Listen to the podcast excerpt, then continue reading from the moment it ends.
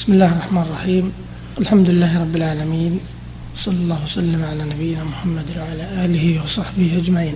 أما بعد فلا يزال الحديث من شيخ الإسلام رحمه الله في إيراد أقوال الأئمة في تقرير عقيدة السلف. وقد وقف الحديث عند قول الحارث المحاسبي رحمه الله. تفضل. بسم الله الرحمن الرحيم. الحمد لله رب العالمين وصلى الله وسلم وبارك على نبينا محمد وعلى آله وصحبه أجمعين. قال شيخ الإسلام ابن تيمية رحمه الله تعالى وقال الإمام أبو عبد الله الحارث بن إسماعيل بن أسد المحاسبي في كتابه المسمى فهم القرآن.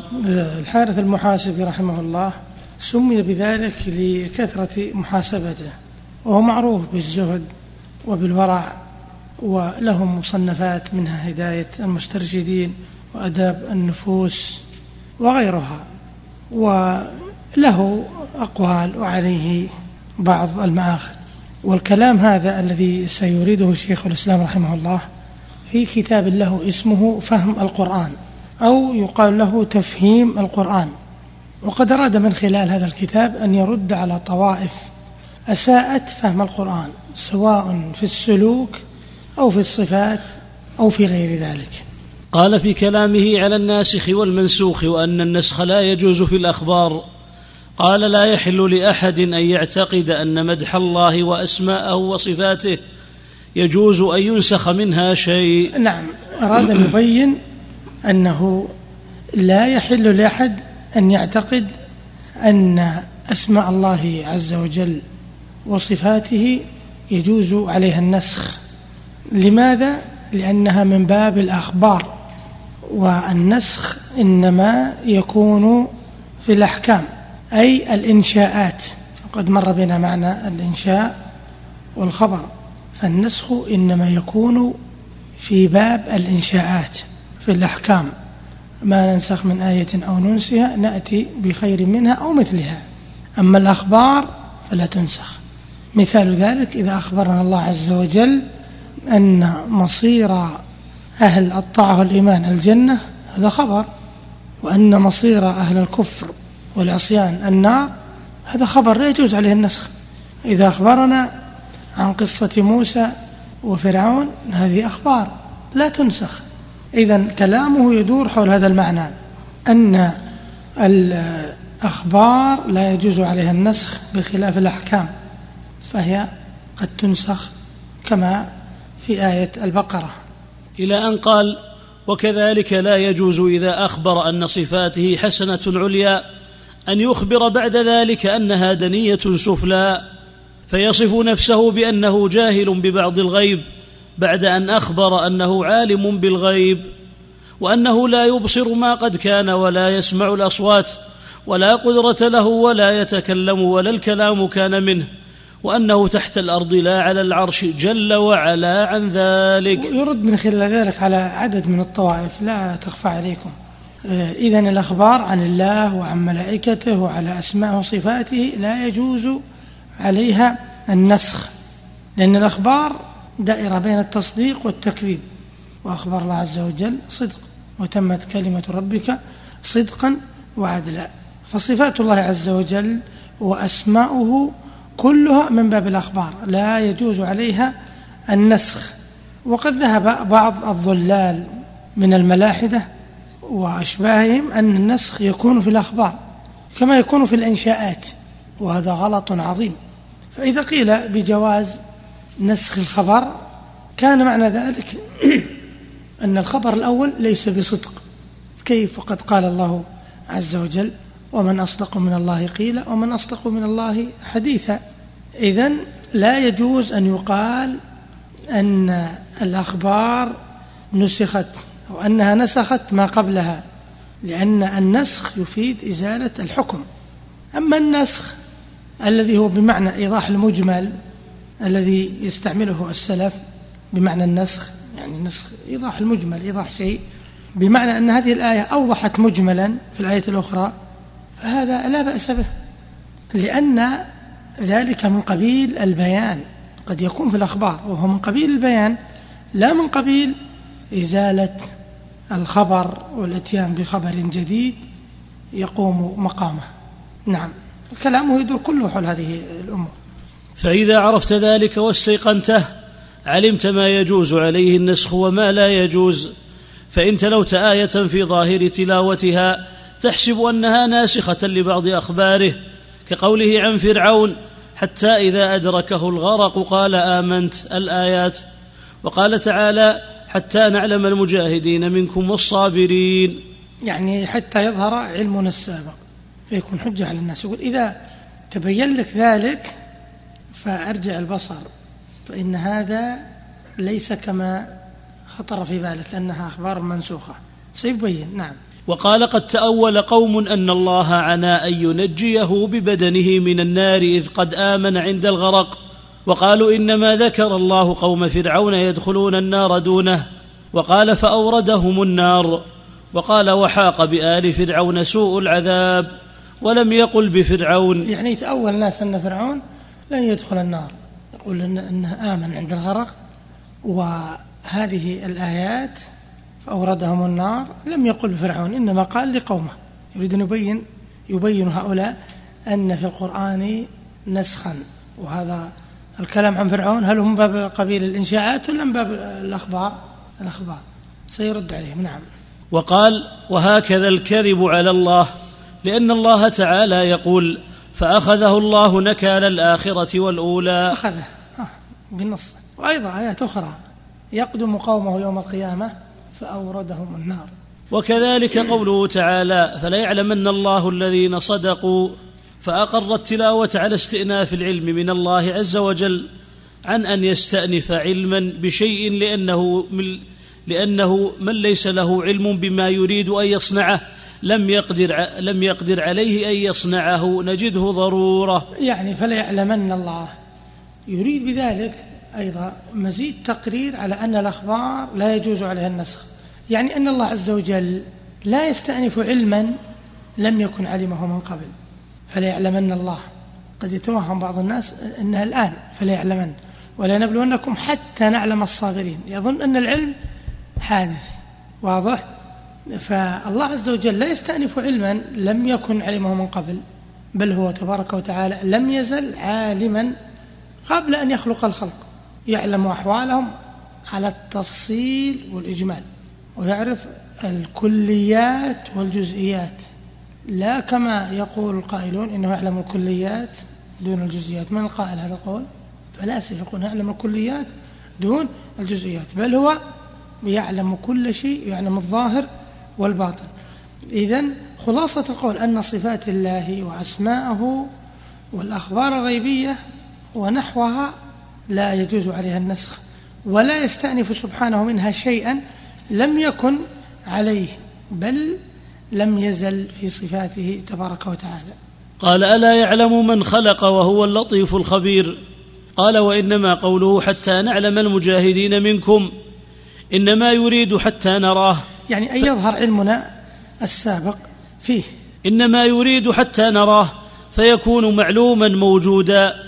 لأنه لا جائز أن يكون يعلم أن يكون يعلم الشيء معدوما من قبل من قبل أن يكون ويعلمه موجودا كان قد كان فيعلم في وقت واحد معدوما موجودا وإن لم يكن وهذا المحال. وذكر كلاما في هذا في الإرادة إلى أن قال وكذلك يعني قول شيخ الإسلام يورد يستعرض كلام الحارث المحاسبي. إلى أن قال وكذلك قوله تعالى إنا معكم مستمعون. ليس معناه أن يحدث له سمعا. يعني ليس معناه أن الله عز وجل نعم ولا ولا تكلف لسمع ما كان من قولهم. واحتمال تكون هذه. ليس معناه أن يحدث له سمع أن يحدث له سمع. واحتمال يكون أن يحدث له سمع نعم سمعا. نعم. وقد ذهب قوم لا لا هذه ولا تكلف.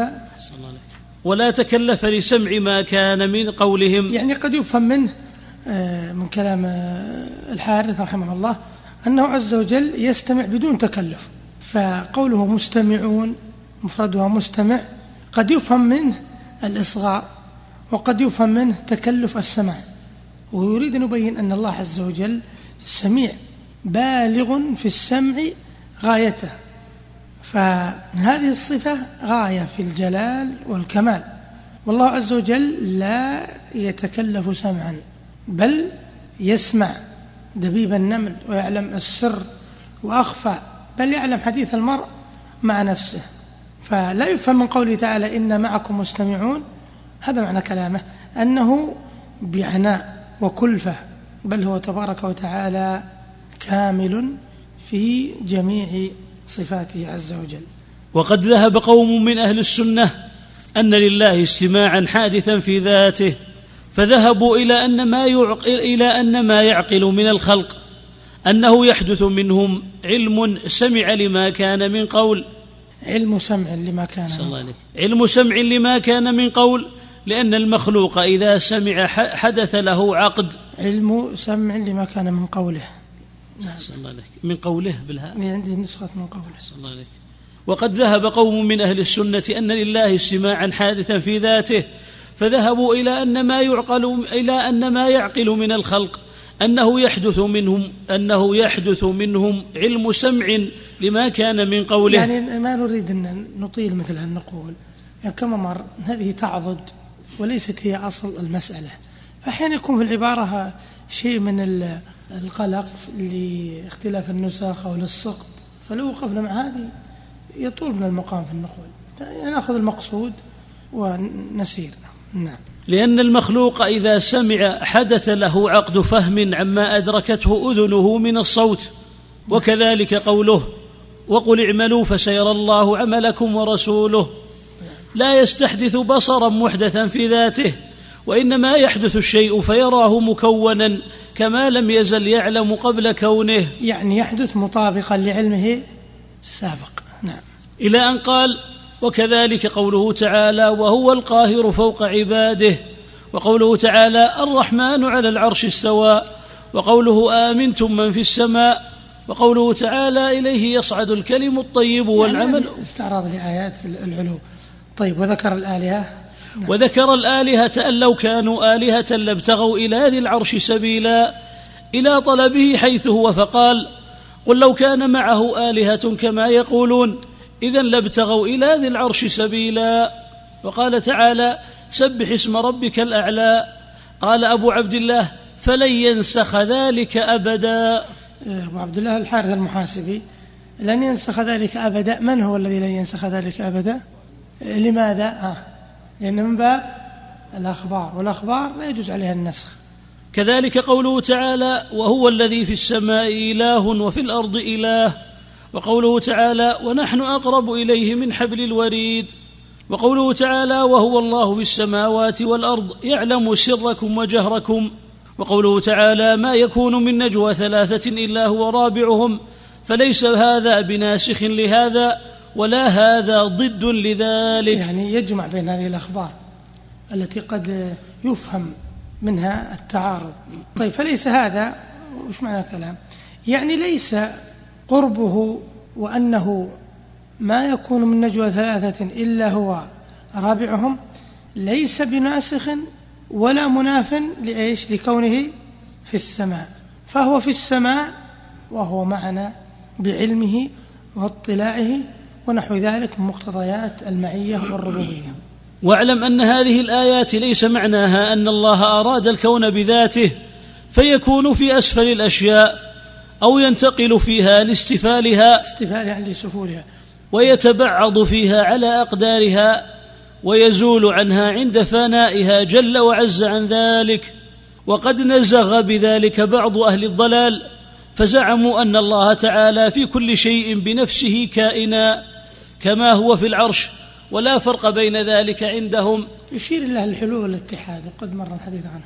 ثم أحالوا في النفي بعد تثبيت ما يجوز عليه في قولهم ما نفوه لأن كل من يثبت شيئا في المعنى ثم نفاه بالقول لم يغن عنه نفيه بلسانه.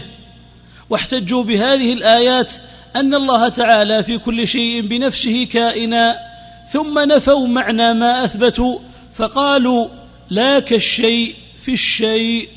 قال أبو عبد الله أما قوله حتى نعلم وقوله وسيرى الله وقوله وإنا إنا, إنا معكم مستمعون فإنما معناه حتى يكون الموجود فيعلمه موجودا ويسمعه مسموعا ويبصره مبصرا لا على استحداث علم ولا سمع ولا بصر. يعني هذا الكلام يحمل على أن ابن تيمية أراد من هذا النقل ما اشتمل عليه من إثبات الصفات. وإلا فكلام الحارث يعني فيه آه، بعض الإشكال حيث جعل السمع والبصر مثل العلم وهذا ليس كذلك. فالعلم علم الرحمن وهو أن يعلم الأشياء قبل حدوثها. أما السمع فهو سبحانه يسمع الأشياء أو يسمع الأصوات من أهلها أو صدورها من الأشياء ويرى المبصرات بعد وجودها كونا. إذا العلم بالسمع والبصر يعني قرن السمع العلم بالسمع والبصر يعني فيه إشكال لأن العلم بالأشياء قبل أن تكون والسمع والبصر بعد أن تكون. فتعلق العلم عند أهل السنة غير تعلق السمع والبصر. لكن قد يحمل هذا على وجه وهو أنه أراد أن الله عز وجل لا يستأنف علما ولا يستأنف سمعا ولا بصرا وهذا المراد صحيح. وأما قوله تعالى إذا أردنا إذا جاء وقت كون المراد فيه وأن قوله على العرش استوى وقوله وهو, وهو القاهر فوق عباده وقوله آمنتم من في السماء أن يخسف بكم الأرض وقوله إذا لابتغوا إلى ذي العرش سبيلا فهذا وغيره مثل قوله تعرج الملائكة والروح إليه وقول يعني استعرض أدلة العلو تنوع الدلالة عليها تارة بلفظ الصعود وتارة بلفظ آه، صعود الأشياء إليه أو آه، عروجها إليه أو نزولها منه أو بتصريح بالعلو والفوقية. نعم. وقوله إليه يصعد الكلم الطيب والعمل الصالح يرفعه. هذا منقطع يوجب أنه فوق العرش فوق الأشياء كلها منزه عن الدخول في خلقه. لا يخفى عليه منهم خافية لأنه أبان في هذه الآيات أن ذاته بنفسه فوق عباده لأنه قال امنتم من في السماء؟ يعني فوق العرش والعرش فوق السماء لأن من كان لأن من قد كان فوق كل شيء على السماء في السماء. وقد قال مثل ذلك قال فسيحوا في الأرض. يعني على الأرض لا يريد الدخول في جوفها. وكذلك قوله لأصلبنكم في جذوع النخل يعني فوقها عليها. وقال آمنتم من في السماء؟ ثم فصل فقال أن يخسف بكم الأرض ولم يصل فلم يكن لذلك معنى فلم يكن لذلك معنى إذ فصل بقوله من في السماء. من في السماء. ثم استأنف التخويف بالخسف إلا أنه على عرشه فوق السماء. وقال تعالى يدبر الأمر من السماء إلى الأرض ثم يعرج إليه.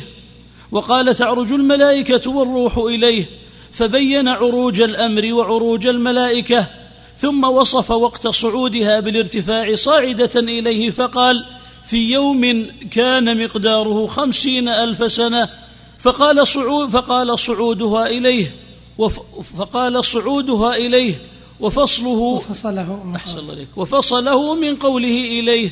كقول القائل اصعد إلى فلان في ليلة أو يوم وذلك أنه في العلو وأن صعودك إليه في يوم. فإذا صعدوا إلى العرش فقد صعدوا إلى الله عز وجل وإن كانوا لم يروه ولم يساووه في الارتفاع في علو في علوه فإنهم صعدوا من الأرض وعرجوا بالأمر إلى العلو. قال الله تعالى بل رفعه الله إليه ولم يقل عنده وقال تعالى وقال فرعون يا هامان ابن لي يا هامان ابن لي صرحا لعلي أبلغ الأسباب أسباب السماوات فأطلع إلى إله موسى. ثم استأنف الكلام فقال وإني لأظنه كاذبا فيما قال لي أن إلهه فوق السماوات. فبين الله سبحانه أن فرعون ظن بموسى أنه كاذب فيما قال وعمد لطلبه حيث قاله من الظن بموسى أنه كاذب. ولو أن موسى قال إنه في كل مكان بذاته لطلبه في بيته أو بدنه أو وحشه. لا أو, أو حشه. أحسن الله عندي عندي مكان قضاء الحاجة. نعم. في بيته أو بدنه أو حشه فتعالى الله عن ذلك ولم يجهد نفسه ببن ببنيان الصرح. ولم يجهد نفسه يعني فرعون. فرعون ما ابتغى إله موسى يمينا أو شمالا إنما قال ابن لي صرحا. وهذا يستدل بالعلماء على من أدلة العلو أن يقولون حتى فرعون ما اتخذ نفقا في الأرض إنما قال ابن لي صرحا. نعم. قال أبو عبد الله وأما الآية التي يزعمون أن أنها قد وصلها ولم يقطعها كما قطع الكلام الذي أراد به أنه على عرشه فقال ألم تر أن الله يعلم ما في السماوات وما في الأرض؟ فأخبر بالعلم ثم أخبر أنه مع كل, مع كل مناج ثم ختم الآية بالعلم بقوله إن الله بكل شيء عليم. فبدأ بالعلم وختم بالعلم فبين أنه أراد أنه يعلمهم حيث كانوا لا يخفون عليه ولا يخفى عليه مناجاتهم ولو اجتمع القوم في أسفل. وناظر يعني يستدل على الكلام. وناظر إليهم. وناظر إليه في العلو. فقال إني لم أزل أراكم وأعلم مناجاتكم لكان صادقا ولله المثل ولله المثل الأعلى. وأعلم. وأعلم مناجاتكم. إي نعم. مو كل شيء يختم الألف والتاء إيه، ينصب بالكسرة. مثل الأوقات بعض الناس ينصبها بالكسرة. إن هذه الأوقات لا لا ينصب بالكسرة إلا جمع المؤنث السالم والمختوم بألف وتاء مزيدتين. وهذا جمع تكسير الأوقات وهذه مفرد أصلا مناجاة. نعم. فقال إني لم أزل أراكم وأعلم مناجاتكم لكان صادقا ولله المثل الأعلى أن يشبه الخلق فإن أبوا إلا ظاهر التلاوة. وقالوا هذا منكم دعوى خرجوا عن قولهم في ظاهر التلاوة لأن من هو مع الاث... مع الاثنين أو أكثر. لأن من هو مع الاثنين أو أكثر هو معهم لا فيهم. ومن كان مع الشيء فقد خلا منه جسمه وهذا خروج من قولهم. مثل ما تقول أنا مع المسلمين وأنا مع المصلحين. وأحيانا تقول للظالم أنا معك. يعني إيش يقتضي هذا؟ يقتضي التهديد. ليس أنك مختلط به. وكذلك قوله تعالى ونحن أقرب إليه من حبل الوريد لأن ما قرب من الشيء ليس هو في الشيء. ففي ظاهر التلاوة على دعواهم أنه ليس في حبل الوريد. وكذلك قوله تعالى وهو الذي في السماء إله وفي الأرض إله لم يقل في السماء ثم قطع يعني وصل يعني القطع ضد الوصل وصل التلاوة. نعم. كما قال آمنتم من في السماء ثم قطع فقال أن يخسف بكم الأرض. فقال وهو الذي في السماء إله وفي الأرض إله إله أهل السماء وإله أهل الأرض. يعني معبود أهل السماء ومعبود أهل الأرض. وذلك موجود في اللغة تقول فلان أمير في خراسان وأمير في بلخ وأمير في سمرقند وإنما هو في موضع واحد ويخفى عليه ما وراءه فكيف العالي فوق الأشياء؟ لا يخفى عليه شيء من الأشياء يدبره فهو إله فيهما إذا كان مدبرا لهما وهو على عرشه فوق كل شيء تعالى عن الأمثال. وآية الأنعام يقول الله عز وجل وهو الله في السماوات وفي الأرض يعلم سركم وجهركم ويعلم ما تكسبون. تفسيرها يعني أن يكون قوله وهو الله في السماوات يعني على السماوات. تكون وهو الله في السماوات في بمعنى على. أو ممكن تستأنف تقول وهو الذي في السماوات تقول وفي الأرض يعلم سركم وجهركم. هذا وجه آخر. أو ممكن تقول وفي الأرض وهو الله في السماوات وفي الأرض ثم تقف وتقول يعلم سركم. فيكون معنى على الأخير يعني هو المعبود الحق في السماوات والمعبود الحق في الأرض. وقال الإمام أبو عبد الله محمد الآن انتهى كلام الحارث المحاسبي رحمه الله. الآن كلام الإمام أبو عبد الله محمد ابن خفيف رحمه الله. في كتاب له مطبوع وهو اعتقاد التوحيد بأثبات الأسماء والصفات. نعم. أحسن الله عليك وقال الإمام أبو عبد الله محمد بن خفيف في كتابه الذي سماه اعتقاد التوحيد بإثبات الأسماء والصفات قال في آخر خطبته فاتفقت أقوال المهاجرين والأنصار. الشيخ سيستعرض الكتاب. استعرض. كله لتقرير أو لبيان عقيدة السلف. وأن الأئمة آه، تواطؤوا على هذا على هذه العقيدة. نعم. فقال في آخر خطبته فاتفقت أقوال المهاجرين والأنصار في توحيد الله عز وجل ومعرفة أسمائه وصفاته وقضائه قولا واحدا وشرعا ظاهرا وهم الذين نقلوا عن رسول الله صلى الله عليه وسلم ذلك حتى قال عليكم بسنتي. الشاهد ما ذكره سنة الخلفاء. إيش؟ أقول الشاهد ما ذكره رعاك الله. كيف الشاهد؟ اللي هو سنة الخلفاء الراشدين. ما ما سمعت. أقول عليكم. بسنتي ثم وقف. يختصرونه كثيرا. يختصرونه ويظن أن أكثر الناس مثلهم يعني. يعني أحيانا تجد هذا معروف في شتى الكتب. مثلا هذا يمكن الأمر يسير يعني قد يفهم لكن أحيانا في بعض الكتب يقول لك وفي الشاهد هم يعطيك طرف البيت. ممكن يعطيك نصف شطر أو شطر. وين الباقي هذا؟ ومثل هذا يحدث أحيانا في كتب اللغة مثلا في كتب المعاجم. مثلا الحسن ضد القبح. جو عند القبح قالوا القبح ضد الحسن. وإذا جاء نبات قالوا نبات معروف. طيب إذا قرأها أعجمي. يحسب, يحسب تعريف الكلمة ذي نبات معروف. ولا ينبت باليمن. ولا واد بين الحجاز والعراق. هذه من يعني بعض المآخذ على بعض المعاجم. نعم. أحسن الله عليك وهم الذين نقلوا عن رسول الله صلى الله عليه وسلم ذلك حتى قال عليكم بسنتي وذكر الحديث. وحديث لعن وحديث لعن الله من أحدث حدثا أو آوى محدثا. يعني يقصد به آه، ذم البدع وسيتطرق الآن على اتفاق الصحابة في أصول الدين. هم قد يختلفون في الأحكام لكن في أصول الدين متفقون ولله الحمد. نعم. وقال فكانت كلمة الصحابة رضي الله تعالى عنهم على اتفاق من غير اختلاف وهم الذين أمرنا بالأخذ عنهم إذ لم يختلفوا بحمد الله تعالى في أحكام التوحيد وأصول الدين من الأسماء والصفات كما اختلفوا في الفروع. نعم اختلاف الفروع الأمور الأحكام الأمور الفقهية. أما أمور العقيدة فهم متفقون. ولا يمنع أن قد يحدث اختلاف يكون مرجعه إلى الدليل. في مسائل حتى مسائل الأصول. لأن حتى مسائل الاعتقاد فيها بعضها فرعيات. مثل ماذا؟ هل رأى النبي عليه الصلاة والسلام ربه بعين رأسه أم رآه بفؤاده؟ هذا اختلفوا مثل اختلاف بين ابن عباس وعائشة رضي الله عنهما. وفي مسألة عقدية لكن من فروع هذه المسألة ومرجعهم إلى الدليل. ولو كان منهم في ذلك اختلاف لنقل إلينا كما نقل سائر الاختلاف. فاستقر صحة ذلك عن خاصتهم وعامتهم حتى أدوا إلى التابعين لهم بإحسان. فاستقر صحة ذلك عند العلماء المعروفين حتى نقلوا. عندك نقلوا ولا أدوا؟ لا عندي نقوا بعد بدون لام. وين استقر ذلك؟ آخر سطر.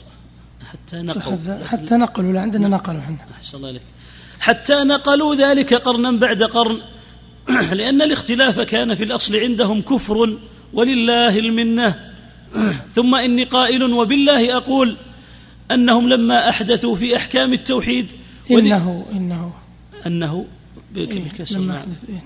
عندي بالفتح. ثم إني قائل وبالله أقول إنه لما أحدثوا في أحكام التوحيد وذكر الأسماء والصفات على خلاف منهج المتقدمين من الصحابة والتابعين فخاض في ذلك من لم يعرفوا من لم يعرفوا بعلم الآثار ولم يعقلوا قولهم بذكر الأخبار ولم يعقلوا قولهم بذكر الأخبار وصار معولهم على أحكام هواجس النفوس. أصبر شوية ابشر ولم يعقلوا؟ شلون يعقل؟ يعقلوا قوله يعني ما قيدوه العقل هو القيد. يقول لك العقل يحجز. ولم يعقلوه يعني لم يقيدوه يعني رب يريد. نعم. ولم يعقلوا قولهم بذكر الأخبار وصار معولهم على أحكام هواجس النفوس المستخرجة من سوء الطوية. وش بعضكم وش مكتوب هذه؟ الأحكام كلكم وش مكتوب؟ لا لا اللي النسخ اللي غير الطبعة إيش؟ في بعض الطبعات أحكام هوى هوى حسن النفس.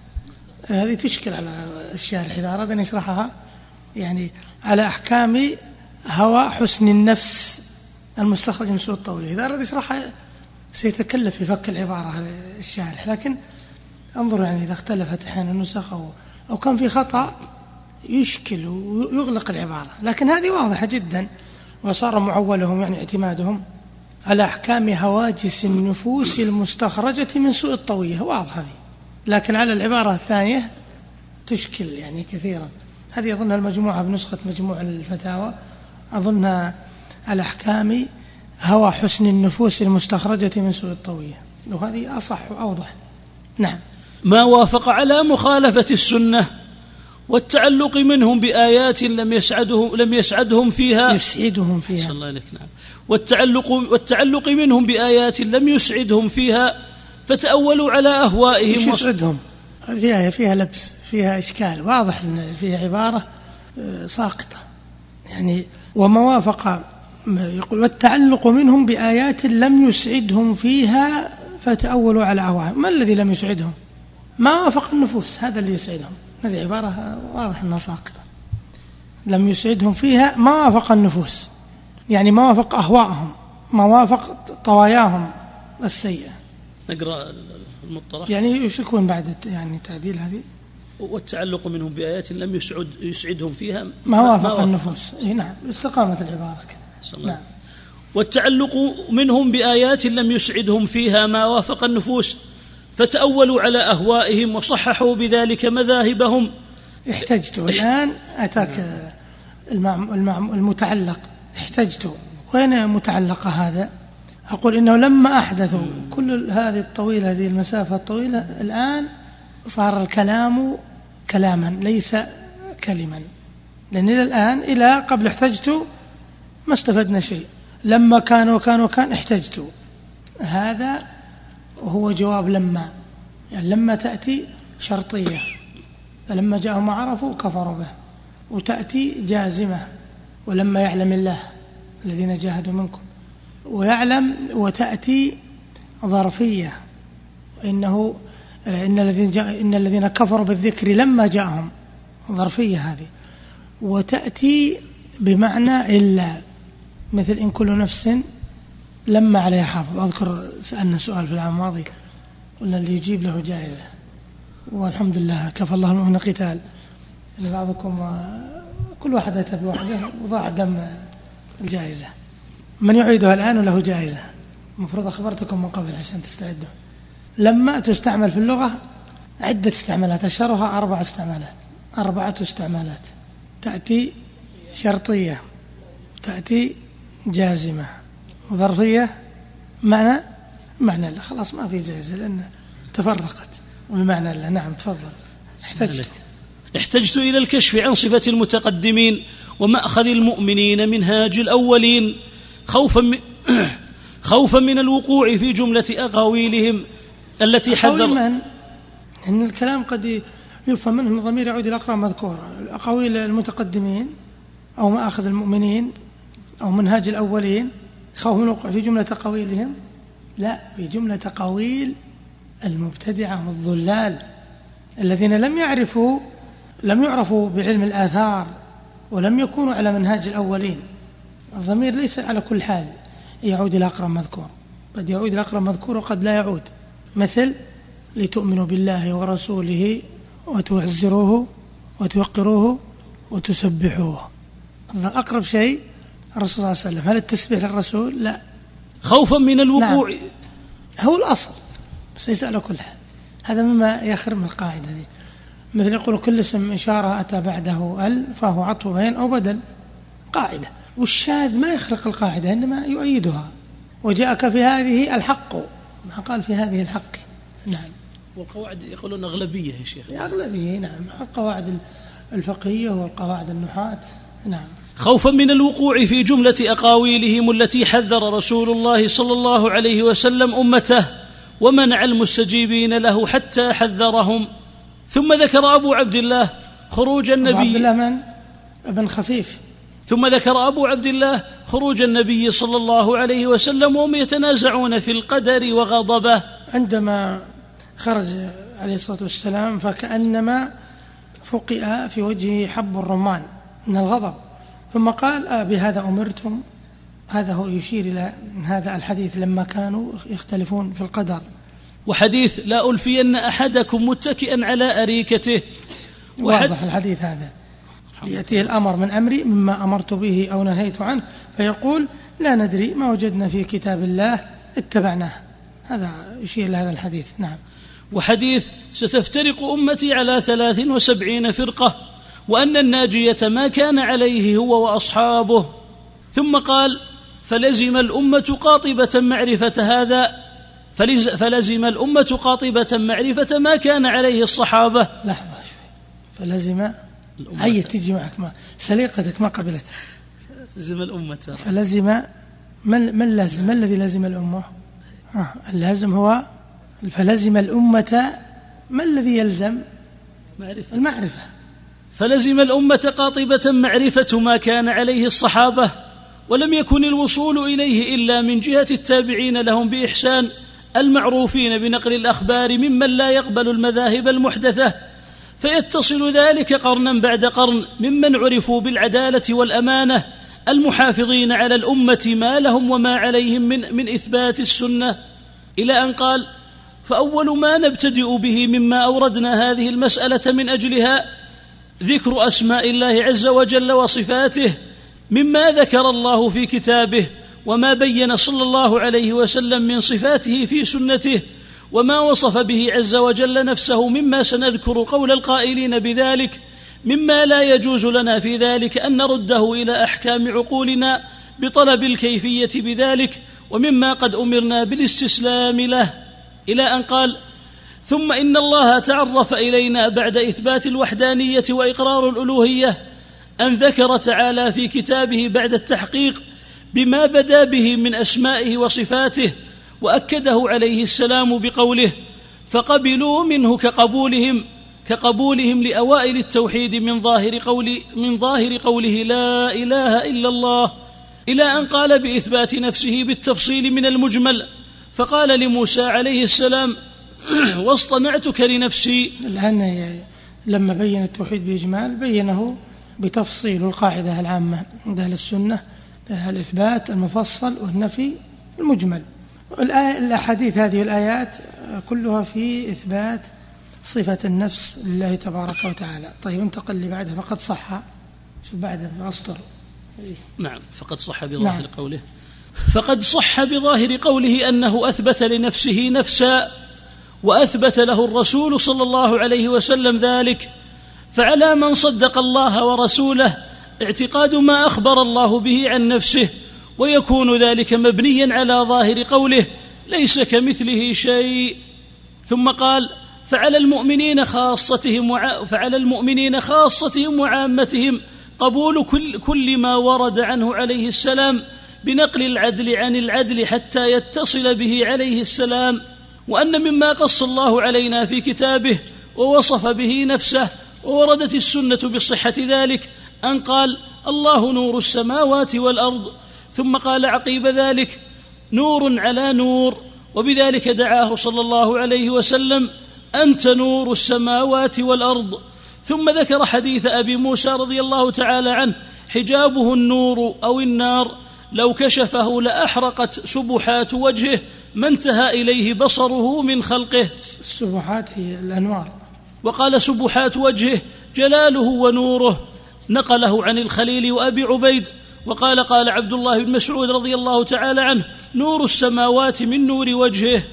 ثم قال ومما ورد به النص أنه حي. وذكر قوله تعالى الله لا إله إلا هو الحي القيوم. والحديث يا حي يا قيوم. برحمتك أستغيث. قال ومما تعرف الله إلى عباده أن وصف نفسه أن له وجها موصوفا بالجلال والإكرام فأثبت لنفسه وجها وذكر الآيات. ثم ذكر حديث أبي موسى المتقدم فقال في هذا الحديث من أوصاف الله عز وجل لا ينام موافق لظاهر الكتاب لا تأخذه سنة ولا نوم وأن له وجها موصوفا بالأنوار وأن له بصرا كما أعلمنا في كتابه أنه سميع بصير. ثم ذكر الأحاديث في إثبات الوجه وفي إثبات السمع والبصر والآيات الدالة على ذلك. وفي إثبات السمع والبصر والآيات الدالة على ذلك. أنا ظنيت بيقول والآيات. ثم ذكر. ثم ذكر الأحاديث في إثبات الوجه وفي إثبات السمع والبصر والآيات الدالة على ذلك. الايات الدالة على ذلك. احسن الله. معطوف الاحاديث والآيات الدالة على ذلك. ثم قال إن الله تعرف إلى عباده المؤمنين. ما معنى تعرف إلى عباده؟ يعني عرفهم بنفسه. وأنه قال له يدان قد بسطهما بالرحمة وذكر الأحاديث في ذلك. ثم ذكر شعر أمية بن أبي الصلت مر بنا. ثم ذكر حديث يلقى في النار وتقول هل من مزيد حتى يضع فيها رجله وهي رواية البخاري وفي رواية أخرى يضع عليها قدمه. نعم. ثم ثم ما رواه مسلم البطين عن ابن عباس رضي الله تعالى عنهما أن الكرسي موضع القدمين وأن العرش لا يقدر قدره إلا الله.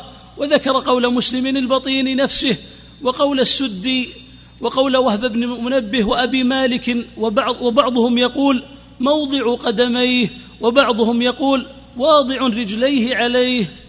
ثم قال فهذه الروايات قد رويت عن هؤلاء من صدر هذه الأمة موافقا لقول النبي صلى الله عليه وسلم متداولا في الأقوال ومحفوظا في الصدور لا ينكر خلف عن سلف ولا ينكر عليهم أحد من نظرائهم.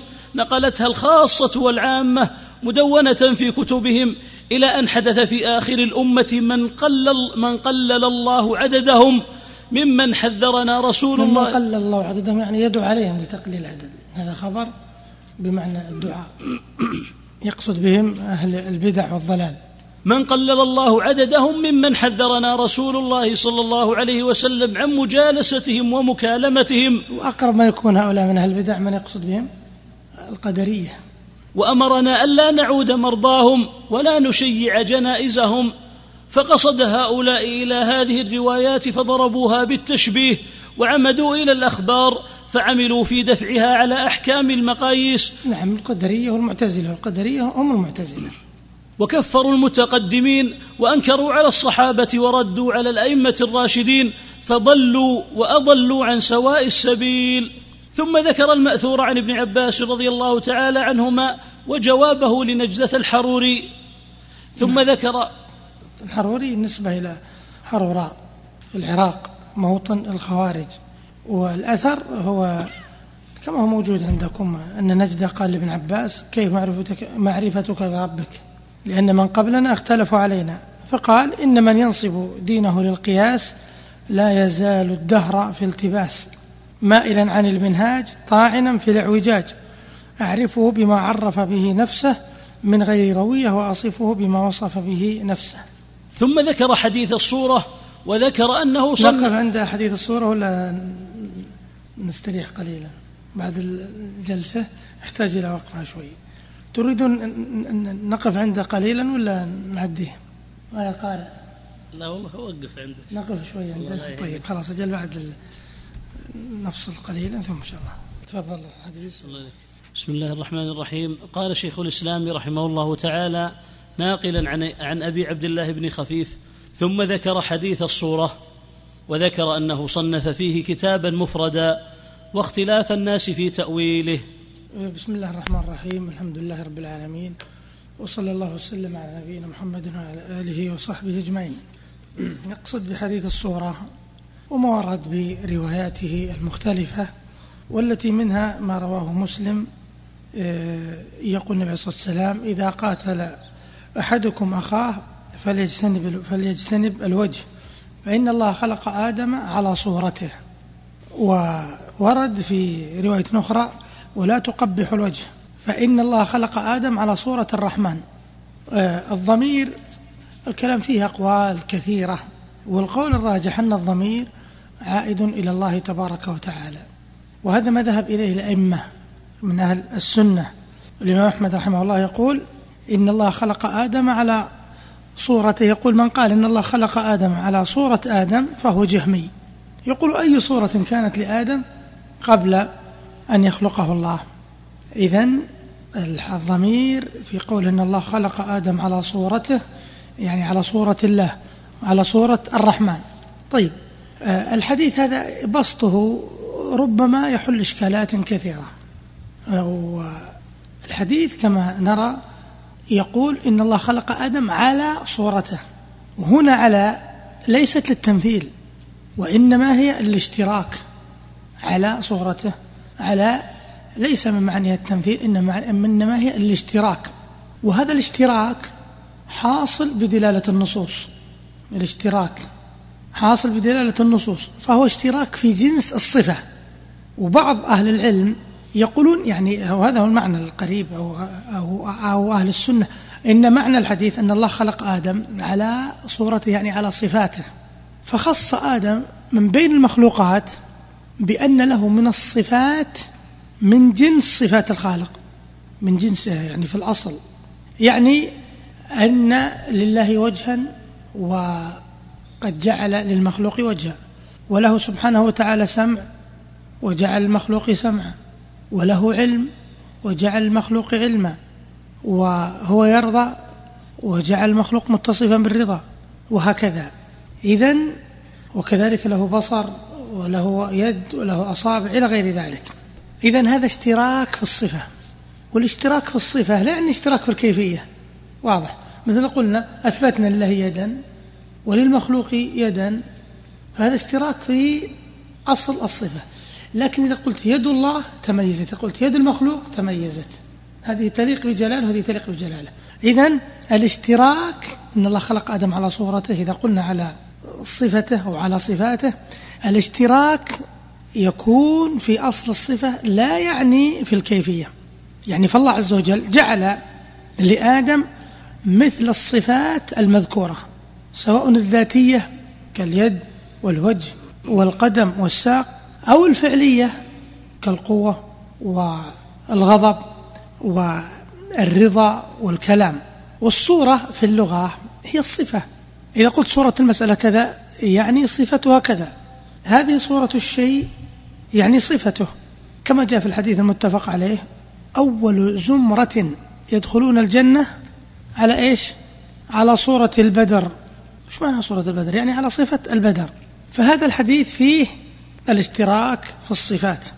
وكذلك من الصفات التي جاءت في الأحاديث أن لله عز وجل صورة خاصة والصورة الخاصة غير الصورة العامة. كيف؟ الصورة العامة تعني الصفات والصورة الخاصة هي اجتماع الصفات. الصورة الخاصة هي اجتماع الصفات والصورة العامة تعني الصفات. إذا قلنا مثلا صورة فلان أن له سمعا وله بصرا لكن إذا قلنا صورته الخاصة هي اجتماع الصفات. والله تبارك وتعالى له صورة لكن ليست كصورة المخلوقين. يعني ليست كصورة المخلوقين بمعنى الصورة الخاصة. كما في الحديث أن آه، في العرصات أن الله تبارك وتعالى أنه يأتي للمؤمنين فيقولون لا نزال يأتيهم في صورة غير صورته. يقولون لا نزال ها هنا حتى يأتي ربنا على الصورة التي يعرفونها عن ربهم تبارك وتعالى. إذن هو عز وجل له صورة يعني صفات. وجعل المخلوق من الصفات ما هو على صفات الرحمن يعني من جنسها. واضح يا إخوان الكلام ولا لا؟ ترى يحتاج إلى شيء من الدقة. ثم يتضح إن الحديث يعني واضح وسهل. فالله تبارك وتعالى له صورة الصورة العامة بالمعنى العام له صفات. خلق آدم على صورته يعني متصفا بصفات هي في الأصل من جنس صفات الرحمن مثل اليد والسمع قد يقول بعضكم طيب والحيوان كذلك له لا لكن أكثر هذه الصفات للآدمي على وجه الخصوص. لأن يعني الحيوان ما يعلم والحيوان مثلا ليست له كصفات الآدمي إذن إن الله خلق آدم على صورته اللي هي الصورة العامة على صفاته. والصورة الخاصة لله عز وجل صورة خاصة اللي هي اجتماع الصفات. فقوله خلق آدم على صورته خاص بآدم حيث لو تأملت كل المخلوقات لم تجد أنها مثل الإنسان في الاشتراك فيما بين صفاته وصفات الرحمن.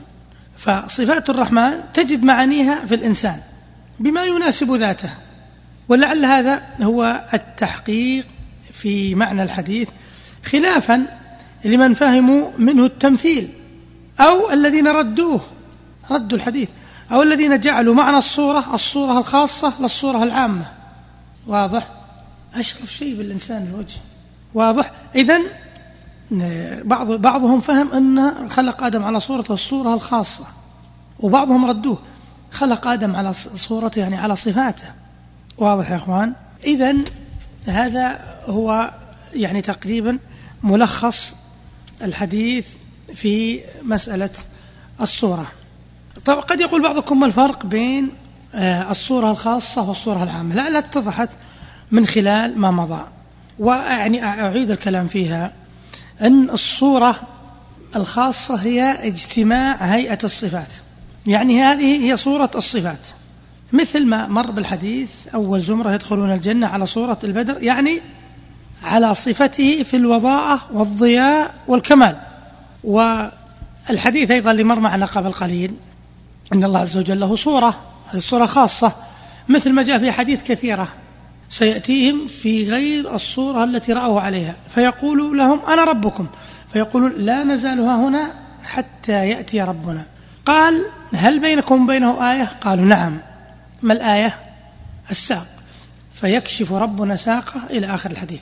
إذا جاء في الأحاديث إثبات الصورة لله عز وجل وهي الصورة الخاصة التي معناها اجتماع هيئة الصفات. وحديث أن الله خلق آدم على صورته كما مر على تفيد الاشتراك والمطابقة في الصفات لكنها لا تقتضي التمثيل. مثل ما نقول لله يد وللمخلوق يد. هذه واضحة. ولهذا يقول آه، الإمام ابن قتيبة رحمه الله له كلام جميل آه، أبطل التأويلات في معنى الحديث. قال والذي عندي والله أعلم أن الصورة ليست بأعجب من اليدين والأصابع والعين. وإنما وقع الإلف لتلك لمجيئها في القرآن ووقعت الوحشة من هذه لأنها لم تأتي في القرآن. قال ونحن نؤمن بالجميع ولا نقول في شيء منه بكيفية ولا حد. يعني لعله أتضح الحديث. أما من أرجع الحديث الضمير إلى آدم إن الله خلق آدم على صورة آدم يكون حديث. فالإمام أحمد يقول من قال هذا فهو جهمي. واضح إن شاء الله. تبي تكثر الأسئلة؟ نعم.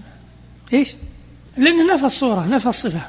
وجه تشبيه يسأل آه، أخونا ما وجه قول الإمام أحمد له أنه جهمي؟ لأنه الصورة صفة. فنفاها فالوجه بينهما التشابه التعطيل. نعم تفضل. الله إليك. ثم قال وسنذكر أصول السنة وما ورد من الاختلاف فيما نعتقده فيما خالفنا فيه أهل فيما خالفنا فيه أهل الزيغ. أو أو خالفنا. أو خالفنا فيه أهل الزيغ نعم. لكن رعاك الله مو بالأصوب خالفنا لأنه بيقول بعدين وافقنا. كأنه يسير على جادة يعني. ما في إشكال طيب. لو قال فيما خالفنا فيه أهل الزيغ ووافقنا فيه أصحاب الحديث. هؤلاء يخالفونه ولا يوافقونه الله يحسن الله استقامت عندك ولا لا؟ بلى. يلا أعدها عشان طيب. نشوفها نعم. ثم قال وسنذكر أصول السنة وما ورد من الاختلاف فيما نعتقده. فيما خالف فيما خالفنا فيه أهل الزيغ وما وافقنا فيه أصحاب الحديث من المثبتة إن شاء الله. أقصد بأصحاب الحديث أهل السنة لمن أسمائهم أهل السنة والجماعة وأصحاب الحديث.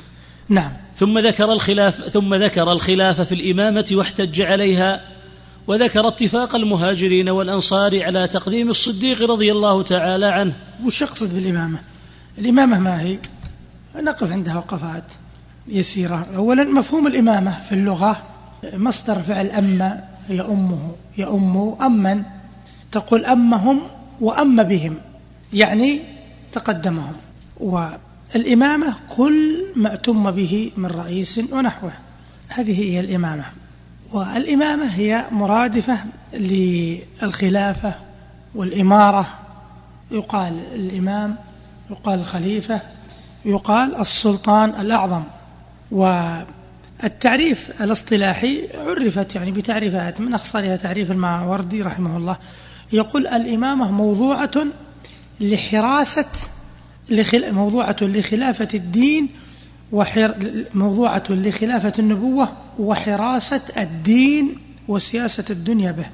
عيدها الإمامة موضوعة لخلافة النبوة في حراسة الدين وسياسة الدنيا به. هذه هي الخلافة.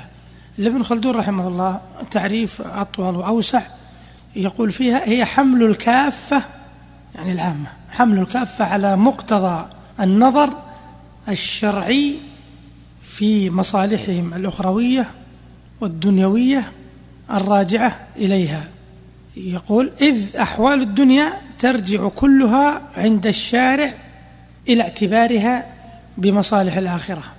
فهي في الحقيقة خلافة عن صاحب الشرع في حراسة الدين وسياسة الدنيا به. هذا تعريف ابن خلدون. طيب ما حكم الإمامة؟ إنها تساق في كتب العقائد الإمامة. ما حكم, ما حكم الإمامة؟ وما ثبتت به أو ما تثبت به؟ الإمامة ثابتة الوجوب بالكتاب والسنة والإجماع والقواعد الشرعية. الكلام يطول في تفصيل هذا الكلام. إنما هي ثابتة بالكتاب والسنة والإجماع والقواعد الشرعية. طيب ما صلة الإمامة بكتب العقيدة؟ ما صلتها بكتب العقيدة؟ آه، هو شيء الإسلام يا أخوان شريعة وعقيدة وكل لا يتجزأ. لكن للإمامة جوانب عقدية ولها جوانب تاريخية ولها جوانب فقهية. مثلا جوانبها العقيدة نجد أن العلماء عند ذكرهم لعقائدهم يذكرون ذلك. فلا نكاد نجد أحدا تكلم في عقيدته يعني قال عقيدتنا كذا وكذا من الأئمة إلا وينص مثلا على التربيع بالخلفاء الأربعة وأن ترتيبهم في الخلافة على ترتيبهم في الفضل وينصون على الصلاة. كل هذه من صميم العقيدة. على الصلاة خلف كل إمام بر أو فاجر. وعلى الجهاد والحج معه وعلى تحريم الخروج على الأئمة وعلى السمع والطاعة لهم من غير معصية. وكل هذه من مباحث الإمامة. وكذلك نجد المتكلمين أيضا ينصون على الإمامة في أواخر كتبهم في العقيدة. كذلك العلماء في مسائل العقيدة إذا ردوا على انحرافات أهل البدع التي نشأت حول هذا الموضوع تطرقوا لانحراف آه، الفرق الأخرى. مثل الإمامة عند الشيعة تختلف عند الإمامة عن أهل السنة. والجوانب الفقهية في الإمامة كثيرة مثل شروط الأئمة وكيفية اختياره وأهل الحل والعقد إلى غير ذلك. من المسائل في الإمامة أنها ليست من أصول الدين التي لا يسع المكلف الجهل بها. لو إنسان عامي ما يعرف وش معنى الإمامة. هل نقول أنك, أنك ضللت؟ مثل ما أنك لم تعرف الشهادة ولم تعرف آه، الرسول عليه الصلاة والسلام بأنه رسول؟ لا. لكن مفهومها مثل عند الشيعة الإمامية هي الأصل التي تدور حولها عقائدهم وتلمس أثرها في فقههم وأصولهم وتفاسيرهم. فهم يرون أن الإمامة مثلا منصب إلهي كالنبوة كما أن النبي نص عليه من رب العالمين واختير كذلك الإمام منصوص عليه من الله يقولون. يقول الإمام منصي هذا غلط. وكذلك يقول أنها ثابتة لعلي بالنص بعد النبي صلى الله عليه وسلم. ويرون عصمة الأئمة وأنه منصوص عليهم ويرون حصرهم باثني عشر. إذا اختلف مفهوم الإمامة ويعتقدون بأن الإمام الثاني عشر وهو محمد بن حسن العسكري حي غائب منتظر وسيعود ليملأ الأرض عدلا وقسطا كما ملئت جورا وظلما. ويرون أن الإمامة هذا اللي يجعل العلماء يسوقونها أن الإمامة من أركان الدين كالشهادتين والصلاة والزكاة. ويرون أن آه، من لم يقر بالإمامة أنه ليس بمؤمن بل يرون أن منكر الإمامة شر من اليهود والنصارى وأنه لا يسع أحدا العذر بالجهل بالآئمة بل يذهبون إلى أبعد من ذلك فيرون أن من لم يعرف إمامة لم يعرف الله عز وجل ويرون أنه لا بد لكل عصر من إمام هاد وأن الأئمة هم أولو الأمر الذين أمر الله بطاعتهم طبعا الأئمة المنصوص عليهم من عندهم. إذا هذا يجعل العلماء يتكلمون ويسوقون الإمامة. مقاصد الإمامة مر معنا أن إقامة أمر الله أمر الله والأمر معروف والنهي عن المنكر وحراسة الدين وسياسة الدنيا به ونشر العدل إلى غير ذلك. ثم قال المؤلف رحمه الله وذكر اتفاق المهاجرين والأنصار على تقديم الصديق. إذا خلافة أبي بكر ثبتت بأي شيء؟ باختيار المسلمين ومبايعتهم له. والكلام في ذلك يطول. إذا خلافته ثابتة بمبايعة المسلمين واختيارهم له. طيب خلافة علي ثبتت باختيار المسلمين ومبايعتهم له وليست نصية ولم يدعي هو ذلك أنه منصوص عليه من رب العالمين لا بل هو براء مما ينسب إليه. طيب أيضا من المسائل ثبوت شرعية الطرق التي تمت بها تولية ومبايعة الخلفاء الراشدين. فأبو بكر رضي الله عنه تمت كما مر بنا. وعمر كانت بنص من أبي بكر. وخلافة عثمان كانت باجتماع أهل الحل والعقد. وخلافة علي كذلك باجتماع أهل الحل والعقد. لكن وش الفرق بين آه، خلافة علي وخلافة عثمان من ناحية اجتماع أهل الحل والعقد؟ وش الفرق؟ نعم. شوف آه، عثمان كانت باجتماع من أهل الحل والعقد. وعلي باجتماع أهل الحل والعقد. لكن في فرق أحسنت أحسنت. بارك الله فيك. إن خلافة عثمان كانت باجتماع من أهل الحل والعقد المعينين من قبل عمر الستة. وخلافة علي كانت باجتماع أهل الحل والعقد غير المعينين. هذه من المسائل. كذلك من مسائل نكث البيعة وأنها لا تجوز. من المسائل أيضا مر بنا الصحابة أن أبو بكر بايعه المسلمون وأن عمر نص عليه أبو بكر وأن علي وعثمان كانت باجتماع أهل الحل والعقد عثمان باجتماع المعينين وعلي باجتماع غير معينين. هذه طرق. من طرق الخلافة طريق القهر والغلبة. هذا ليس من الطرق التي أمرنا بها شرعا وإنما تنعقد الإمامة به. لو أن يعني قام إنسان وتغلب وقهر وحكم الناس بالشرع تثبت له الخلافة ويكون له ما للخليفة نعم بالسمع والطاعة. نعم. وكما في خلافة عبد الملك بن مروان قتل ابن الزبير وتمت له الخلافة فاجتمع أمر المسلمين عليه. هل يجوز إمامة الفاضل مع وجود المفضول؟ هل يجوز إمامة المفضول مع وجود الفاضل؟ نعم. لا يشترط في الإمام أن يكون أفضل أهل زمانه إنما ذلك من باب الأولى. يعني هذه يعني آه، مسائل. من مسائل يطرقها العلماء مشروعية الشورى وأنها واجبة عند اختيار الإمام. أما تدبير شؤون الرعية فليست واجبة. فللإمام أن يشاور لكن يقول ليس واجبا عليه. وكذلك مسألة آه، الخروج على الأئمة وأنها من الكبائر وأنه لا يخرج حتى تروا كفرا بواحا وحتى آه، يكون عندهم قوة ومنعة. وحتى لا يترتب على الخروج مفسدة أعظم. هذه كلها ينص عليها العلماء في كتب العقائد. نعم تفضل. ومسألة تقديم الصديق مرت بنا وأنه أفضل أمة مر بنا تفصيل الماضي. نعم. ثم قال وكان الاختلاف في خلق الأفعال هل هي مقدرة أم لا؟ نعم هذه مسألة إيش؟ داخل في أي في أي باب؟ القدر. مسألة خلق أفعال العباد. خلق أفعال العباد هي من مسائل القدر. وأفعال العباد مخلوقة لله تبارك وتعالى. بخلاف هو يريد أن يرد على من؟ القدرية. قالوا إن الله يخلق العباد والعباد يخلقون أفعالهم. لا العباد وأفعالهم مخلوقون لله. والله خلقكم وما تعملون. وكما في آه، خلق أفعال العباد البخاري إن الله يصنع كل صانع وصنعته. هم لماذا آه، أنكروا أن يكون الله عز وجل هو الذي خلق العباد. قال نريد تنزيهه عن الظلم لأن من أفعال العباد ما هو ظلم ومعصية. لكنهم بهذا أشركوا بالله إنه زعموا خالقا غير الله. قالوا العباد يخلقون أنفسهم يخلقهم الله وهم يخلقون أفعالهم. ولهذا سمي القدرية مجوس هذه الأمة لأن المجوس يقولون بالأصلين النور والظلمة. فهؤلاء قالوا إن الله خلق العباد والعباد خلقوا أفعالهم. من هنا سموا مجوسا. بل المجوس قالوا بإلهين وهؤلاء قالوا بآلهة كثيرة. إذا صار كل واحد يخلق فعله. نعم وقولنا فيها؟ وقولنا فيها أن أفعال العباد مقدرة معلومة وذكر إثبات القدر. يعني لو وصلنا بقدر طالب من المقام لكن مر بنا بالوسطية نعم.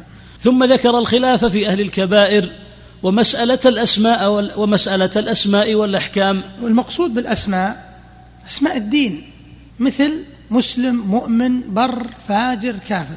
والمقصود بالأحكام حكمه في الدنيا ومصيره في الآخرة. هذه تسمى مسألة الأسماء والأحكام. إذا قيل لك في في كتب العقائد الأسماء هذا في باب الأسماء ولم يكمل ما تدري. ربما يقصد في مبحث الأسماء والصفات وربما يقصد في مسألة الأسماء والأحكام. الأسماء والصفات تبحث مبحث الإيمان بالله وباب الأسماء والصفات. الأسماء والأحكام في أي باب من كتب العقائد؟ ها في باب الإيمان. هي في باب الإيمان نعم. وقال قولنا إنهم مؤمنون على الإطلاق. من يقصد بهم بالمؤمنين على الإطلاق؟ أهل الكبائر. يعني هل عندهم إيمان مطلق ولا مطلق إيمان؟ ها؟ مطلق إيمان. الإيمان المطلق هو الإيمان الكامل. نعم. وقال قولنا إنهم مؤمنون على الإطلاق وأمرهم إلى الله تعالى إن شاء عذبهم وإن شاء عفى عنهم. هؤلاء الكبائر الذين لم ت... كبائرهم لم تصل إلى الشرك لأن الشرك كبيرة بل هو أكبر الكبائر. وقال أصل الإيمان موهبة يتولد منها أفعال العباد. يعني آه، موهبة منحة من الله عز وجل. ثم اورثنا الكتاب الذين اصطفينا من عبادنا. فمنهم ظالم لنفسه ومنهم مقتصد ومنهم سابق بالخيرات. فيكون أصله التصديق والإقرار والأعمال. هذا الإيمان قول وعمل. اتفق أهل السنة حتى الإمام البخاري رحمه الله نقل اجماع عن ألف عالم كما ذكر عن اللالكائي في شرح اصول اعتقاد أهل السنة والجماعة.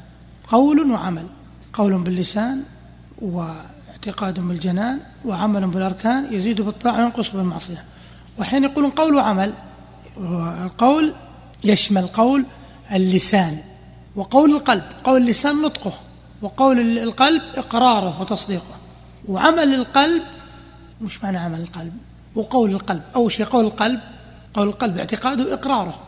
وعمل القلب كل القربات التي مكانها القلب الخوف والرجاء والمحبة.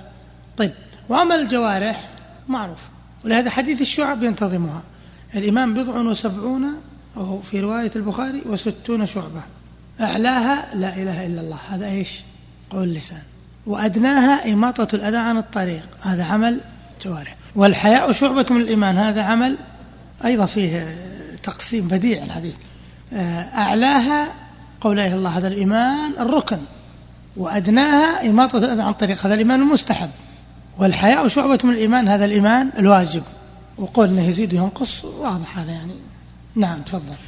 وذكر الخلاف في زيادة الإيمان ونقصانه وقال قولنا إنه يزيد وينقص. قال ثم كان الاختلاف في القرآن مخلوق أو غير مخلوق فقولنا وقول أئمتنا إن القرآن كلام الله غير غير مخلوق وأنه صفة لله منه بدأ قولا وإليه يعود حكما. يعني مذهب أهل السنة والجماعة أن القرآن كلام الله منزل غير مخلوق منه بدأ وإليه يعود. يعني منه صدر وإليه يعود يعني حقيقته تعود إليه أو أنه يرفع في آخر الزمان من السطور ومن الصدور إذا اعرض الناس عنه يرفع تكريما له. ومن مذهب أهل السنة والجماعة أن الله عز وجل تكلم به حقيقة وألقاه إلى جبريل فنزل به على قلب محمد صلى الله عليه وسلم. معنى منه بدأ أي تكلم به ابتداء. تكلم به ابتداء يعني صدر عنه. وفيه رد على من؟ رد على الجهمية الذين قالوا إن الله عز وجل خلقه في غيره. طيب ومعنى إليه يعود؟ إيش معناه؟ كما مر قبل قليل. يحتمل أحد معنيين. يحتمل أن الكلام أن حقيقة الكلام تعود إليه أن صفة الكلام تعود إليه. بمعنى أن أحدا لا يوصف بأنه تكلم بالقرآن غير الله. لأن المتكلم به هو الله عز وجل والكلام صفة المتكلم. والثاني كما مر أنه يرفع إلى الله كما جاء في بعض الآثار أنه يسرى به من المصاحف. متى؟ حين يعرض الناس عنه عن العمل به إعراضا كليا فيرفع تكريما له. ثم ذكر الخلاف في الرؤية وقال قولنا وقول أئمتنا فيما نعتقد. أن الله يرى في يوم القيامة وذكر الحجة. ثم قال واعلم رحمك الله أني ذكرت أحكام الاختلاف على ما ورد من ترتيب المحدثين في كل الأزمنة وقد بدأت أن أذكر أحكام الجمل من العقود. الجمل يعني آه، هذه يستعملها الاوائل الجمل يعني الأحكام المجملة آه، أو المسائل المجملة آه، من العقود اقصد بالعقود الاعتقادات أو العقائد. فنقول ونعتقد أن الله عز وجل له عرش وهو على عرشه فوق سبع سماواته بكمال أسمائه وصفاته كما قال تعالى الرحمن على العرش استوى. وقوله تعالى يدبر الأمر من السماء إلى الأرض ثم يعرج إليه. ولا نقول أنه في الأرض ولا إنه نقول إنه. أحسن الله لك ولا نقول إنه في الأرض كما هو في السماء على عرشه لأنه عالم بما يجري على عباده. إلى أن قال ونعتقد أن ونعتقد أن الله خلق الجنة والنار وأنهما مخلوقتان للبقاء لا للفناء. إذا هذا مذهب أهل السنة والجماعة أنهما باقيتان لا تفنيان أبدا. نعم. إلى أن قال ونعتقد أن النبي صلى الله عليه وسلم عرج بنفسه إلى سدرة المنتهى. إيه نعم. هذا العروج عروج النبي عليه الصلاة والسلام. قيل إنه أسري بروحه وجسده يقظة لا منام وهذا هو الذي تدل عليه النصوص. وقيل إن الإسراء كان بروحه دون جسده. وقيل كان الإسراء مناما أي كانت رؤيا ورؤيا الأنبياء حق. وقيل كان الإسراء مرتين يقظة كان مرة وكان مرة مناما. وهناك أقوال أخرى والصحيح هو أنه أسري بروحه وجسده يقظة لا مناما. إلى أن قال ونعتقد أن الله قبض قبضتين فقال هؤلاء إلى الجنة وهؤلاء إلى النار. نعم الحديث موجود عندكم تخريجه. ونعتقد أن للرسول صلى الله عليه وسلم حوضا ونعتقد أنه أول شافع وأول مشفع. نعم أول شافع بنفسه يشفع وأول مشفع يعني أول من تقبل شفاعته. وذكر الصراط والميزان والموت وأن المقتول قتل بأجله واستوفى رزقه. إيه هذه مسألة إيه عند أهل السنة والجماعة يردون على من؟ على جمهور معتزلة شو يقولون؟ يقولون إن المقتول لم يستوفي أجله ولم يستكمل رزقه حيث إن القاتل قطع عليه أجله ورزقه لماذا؟ لأن الأفعال عندهم خلق الإنسان آه مرت قبل قليل غير مخلوقة لله والقتل ظلم واعتداء إذا يقولون إن الذي قطع على القاتل أجله على المقتول أجله هو القاتل. وإلا مثلا لو قتل عمره عشر سنوات قال ربما يكون عمره أن أن سيكون عمر سيكون عمره ثمانين سنة. لكن هذا قطع عليه أجله. وهي مسألة وقعت وقع الخلاف فيها بين أهل السنة وبين المعتزلة القدرية.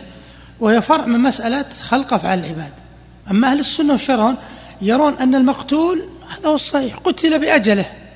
سواء الميت يموت بأجله سواء قتل بالسيف أو بغيره أو من مرض إذا هو مات بأجله. هؤلاء هذا هو قول أهل السنة والجماعة. المعتزلة قالوا لا القاتل قطع عليه أجله لأنهم أرادوا نفي الظلم عن الله عز وجل فقادهم ذلك إلى أي شيء؟ إلى إنكار القدر. إلى إنكار القدر أن الله ما قدر على هذا أن يموت. لكن هذا هو الذي قطع عليه أجله. إلى أن قال ومما نعتقد أن الله ينزل كل ليلة إلى السماء الدنيا في ثلث الليل الآخر فيبسط فيبسط يده فيقول ألا هل من سائل الحديث؟ وليلة النصف وعشية عرفة وذكر الحديث في ذلك. نعم. آه، يعني أحد الإخوان يقول ما اللوازم الفاسدة مترتبة على القول بخلق القرآن؟ كثيرة لكن من أجلها عصمة القرآن. إيش قال؟ سأصليه سقر لما قال إن هذا إلا قول البشر. خلاص ما عاد القرآن قداسة ولا عاد القرآن قيمة ولا عاد له منزلة ولا عاد له إعجاز. تفضل. قال ونعتقد أن الله كلم موسى تكليما واتخذ إبراهيم واتخذ إبراهيم خليلا. يجوز تقول إبراهام ويجوز تقول إبراهيم وإبراهيم فيها ست لغات. أنا يعني حتى لو أردت تخطي أنت يعني إن شاء الله ما تخطي مصيب لما ما وضع ألف هنا صارت إبراهيم بس. يجوز إبراهام وإبراهام وإبراهيم وإبراهام. ذكرها ابن القيم في بدائع الفوائد. وكلم الله موسى تكليما واضحة. واتخذ الله إبراهيم خليلا.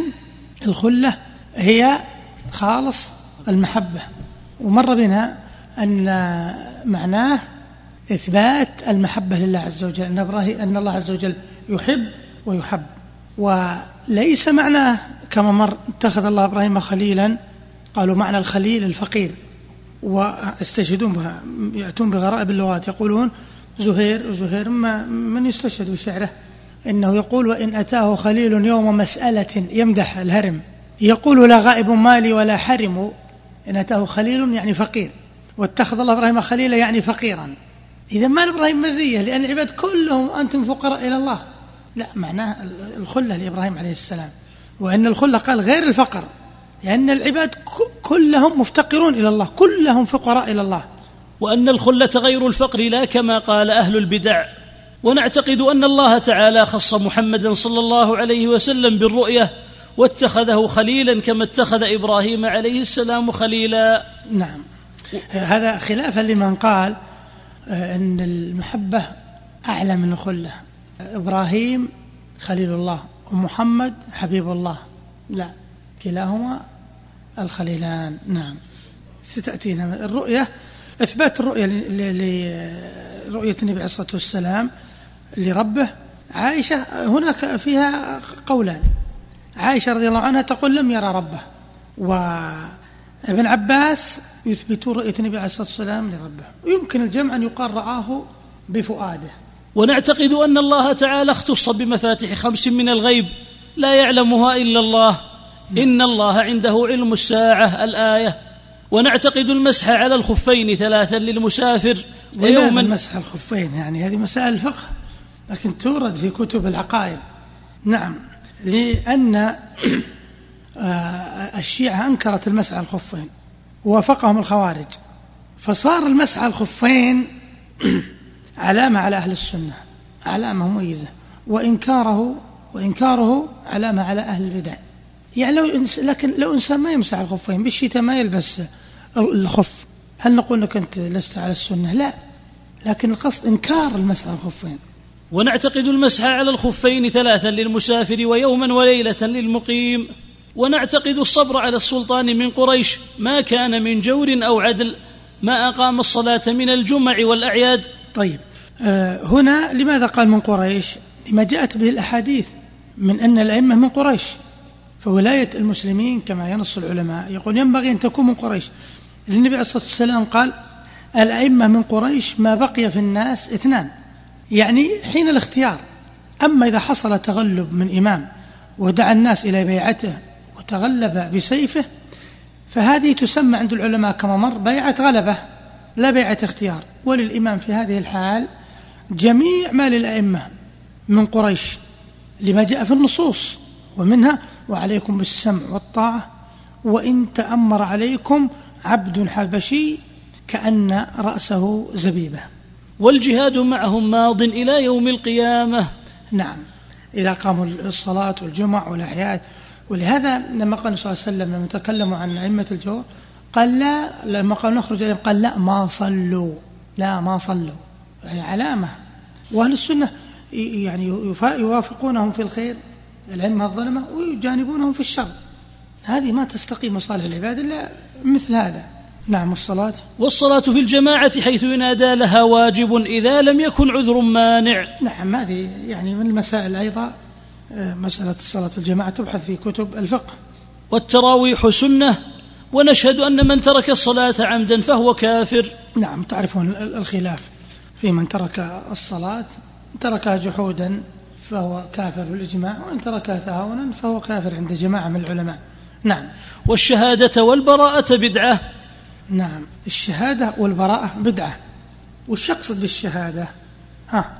يعني الشهادة والبراءة. يرد بها على من؟ من اللي يقولون بالشهادة والبراءة؟ يقصد بهم الشيعة. يعني يقولون لا شهادة أن لا إله إلا الله نافعة إلا بالبراءة من الشيخين. أبي بكر وعمر. ولهذا يقول لا ولاء إلا ببراء. يعني لا ولاء لعلي إلا بالبراءة من الشيخين. وبعبارة أخرى يقولون لا شهادة بأن لا إله إلا الله وأن محمد رسول الله تنفع صاحبها إلا بالبراءة من الشيخين. إذا هذا معنى الشهادة والبراءة. ولا ريب أن هذا العمل أو هذا الاعتقاد اعتقاد باطل مبتدع. لأن الشهادة الواردة في النصوص هي الشهادة لله عز وجل بالوحدانية وللنبي صلى الله عليه وسلم بالرسالة والبراءة إنما هي من الشرك ومن المشركين. والصلاة على من مات من أهل القبلة سنة. سنة يموت إنسان من أهل القبلة وقيل لك في المسجد جنازة تصلي عليه. سنة مستور الحال ما تعرف عن شيء تصلي عليه. ولهذا كان حذيفة رضي الله عنه يعرف أسماء المنافقين. وكان عمر إذا رأى حذيفة ما يصلي حذيفة ما كان يصلي على بعضهم. ما صلى عمر. لكن هل وقف حذيفة عند باب المسجد ورفع عقيرته وقال لا تصلوا على هذا؟ لا.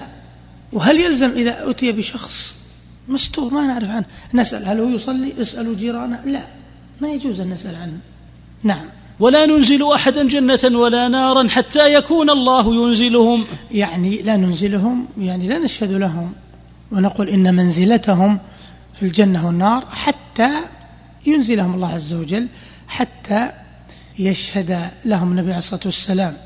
والقول بالشهادة اللي بالجنة والنار للسلف بعض السلف يقولون لا يشهد لأحد إلا للأنبياء.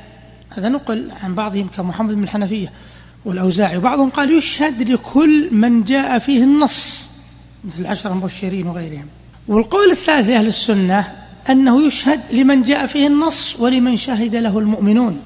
ممن تواتر فضله وإيمانه وسابقته وبلاءه في الإسلام كعمر بن عبد العزيز وكالشافعي والإمام أحمد والإمام مالك والإمام أبي حنيفة وغيرهم من الأئمة. يعني بعض السلف يقول يشهد لهم يعني الأمة شهدت لهم ويستأنسون بحديث الجنازة التي مرت فأثنوا عليها خيرا فقال وجبت. ولا ريب أن الأسلم عدم الخوض في ذلك. إن الله أعلم بخاتمته. لكن يرجى للمحسن الجنة ويخشى على المسيء من النار. والمراء والجدال في الدين بدعة. المراء فإياك إياك المراء فإنه إلى الشر دعاء وللشر جالب. لما قيل للحكم بن عتيبة الكوفي أظن رحمه الله ما اضطر الناس إلى هذه الخصومات؟ قال المراء مراء شر والجدال في الدين. والمقصود بالجدال ليس الجدال بالتي يحسن اللي ينهى عنه ولا الجدال لإحقاق الحق وإبطال الباطل إنما المقصود به الجدال لذات الجدال اللي يترتب عليه القيل والقال والطعن في فلان وفلان وهذا أخطأ وهذا أصاب من دون أي مسوغ شرعي.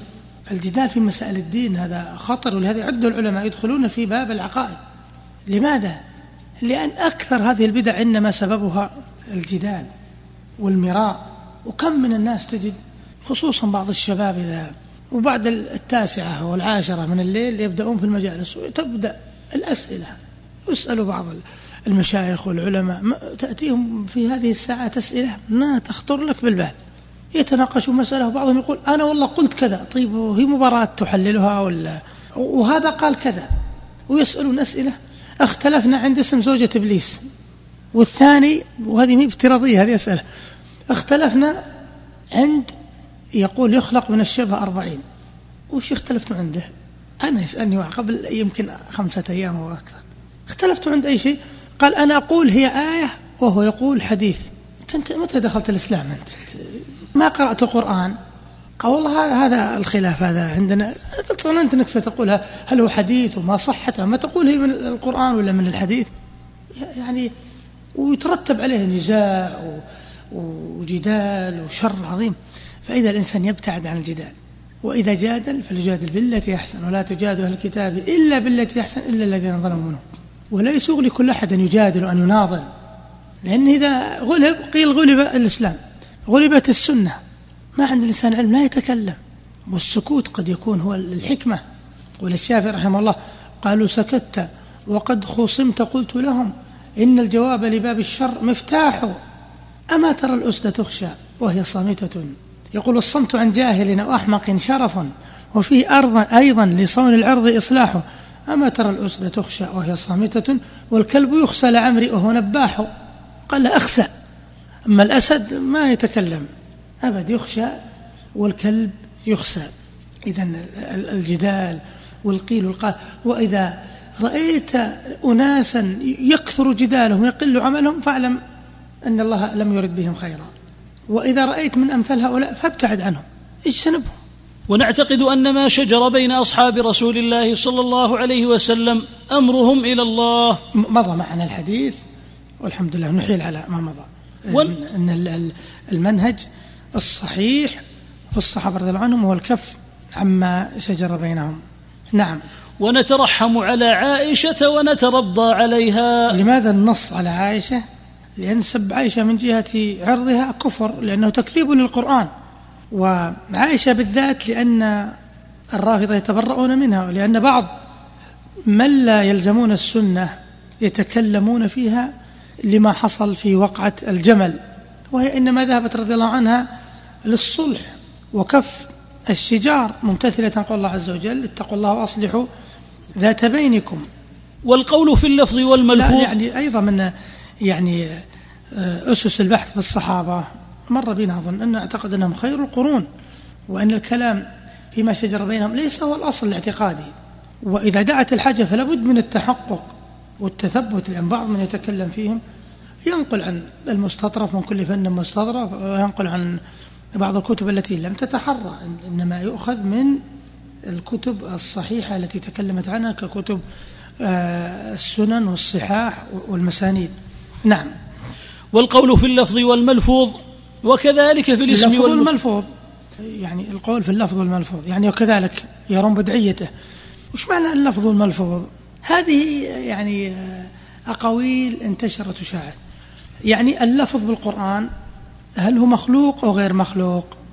أو يجب السكوت؟ مخلوق أو غير مخلوق أو يجب السكوت؟ الجواب أن يقال أو يطبق عليه قاعدة الكلمات المجملة. يستفصل إن يقال إن إطلاق هذا القول أولا نفيا أو إثباتا غير صحيح. أما عند التفصيل فيقال إن أردت باللفظ التلفظ الذي هو فعل العبد. أنا مثلا أقرأ سبح اسم ربك الأعلى. لفظي وكلامي إن أردت به الملفوظ لأن لفظي قد يراد به يشتبه. لفظي في القرآن مخلوق فيه اشتباه.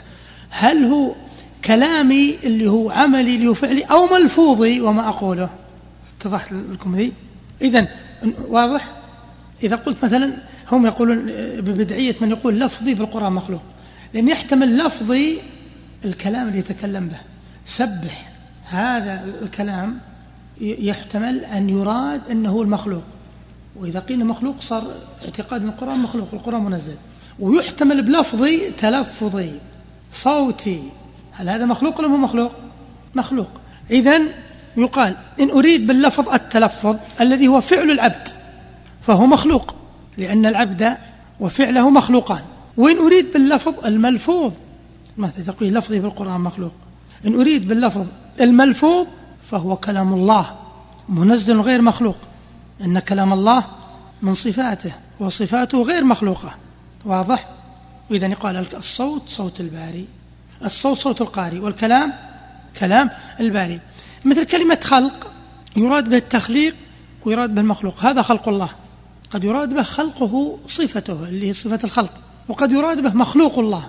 نعم نكمل اللي تجي وكذلك في اللفظ والملفوظ وكذلك في الاسم والمسمى بدعة. وش معنى الاسم والمسمى؟ آه، هذه الاسم والمسمى. منهم من قال هل الاسم هو المسمى؟ مثل قلت الله عز وجل. الاسم هو المسمى أو غير المسمى؟ ومنهم من قال الاسم غير المسمى.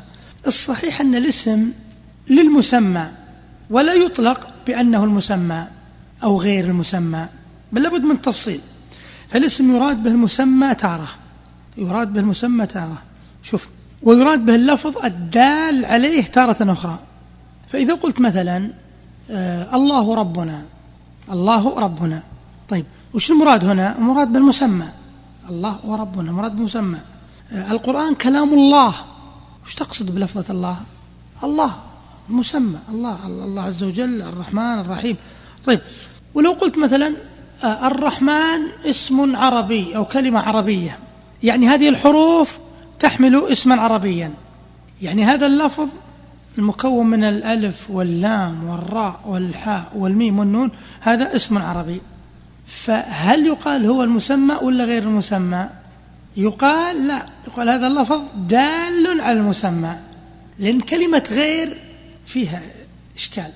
فهم يعرضون عن كلمة غير يقال هو إذا قلت مثلا الله ربنا الاسم هو المسمى. وإذا قلت الله لفظة عربية هذا لفظ دال على المسمى. يعني هذه باختصار. آه، خلاص وقفنا عند القرآن مخلوق وخير. وننتهي بس. والقول؟ أحسن الله عليك. والقول في أن الإيمان مخلوق أو غير مخلوق بدعة. أيضا هذه المسألة شبيهة في المسألتين الماضيتين. مثل ما يقولون لفظنا مثل ما مر بنا قولهم لفظنا بالقرآن مخلوق وغير مخلوق تكلموا قالوا هل الإيمان مخلوق أو غير مخلوق؟ هذه لابد من الاستفصال. فإذا أراد بالإيمان شيئا من صفات الله عز وجل مثل قولك لا إله إلا الله. ومثل الإيمان الذي دل عليه لفظ المؤمن. إيش معنى المؤمن؟ يعني المصدق لأوليائه. إذا قيل لك هل الإيمان مخلوق اللي هو صفة متضمنة متضمن لها الاسم المؤمن؟ اسم المؤمن وش يتضمن؟ كل اسم وش يتضمن؟ صفة. المؤمن من أسماء الله المؤمن. وش الدليل؟ هو الله الذي لا إله إلا هو. في آخر سورة الحشر. طيب المؤمن السلم المؤمن. المؤمن وش يتضمن صفة لأنه يؤمن لأوليائه يصدق أوليائه. الإيمان اللي تضمنه اسم المؤمن هل هو مخلوق؟ لاحظوا صفة من صفات الله هذا الإيمان اللي تضمنه اسم المؤمن. هل هو مخلوق؟ صفة ولا مو بصفة؟ هل الصفات مخلوقة؟ لا. طيب لكن إيمان المسلمين إيمانهم عملهم الصالح إذا أردت بالإيمان عملهم الصالح قرباتهم هل هي مخلوقة ولا غير مخلوقة؟ مخلوقة. إذا لابد من الاستفصال انتبه تعيدنا. وش وشاهد؟ الثاني اللي هي آه، إذا قيل لك هل الإيمان مخلوق الصلاة أليست إيمان وما كان الله ليضيع إيمانكم. الصلاة إيمان. من صام رمضان إيمانا واحتسابا. هل صيام رمضان مخلوق ولا غير مخلوق؟ صيامه فعلنا. مخلوق لأنه من فعلنا ونحن وفعلنا مخلوقون. هذا واحد عنده إشكال ممكن أني أسمع أنا وياه إن شاء الله.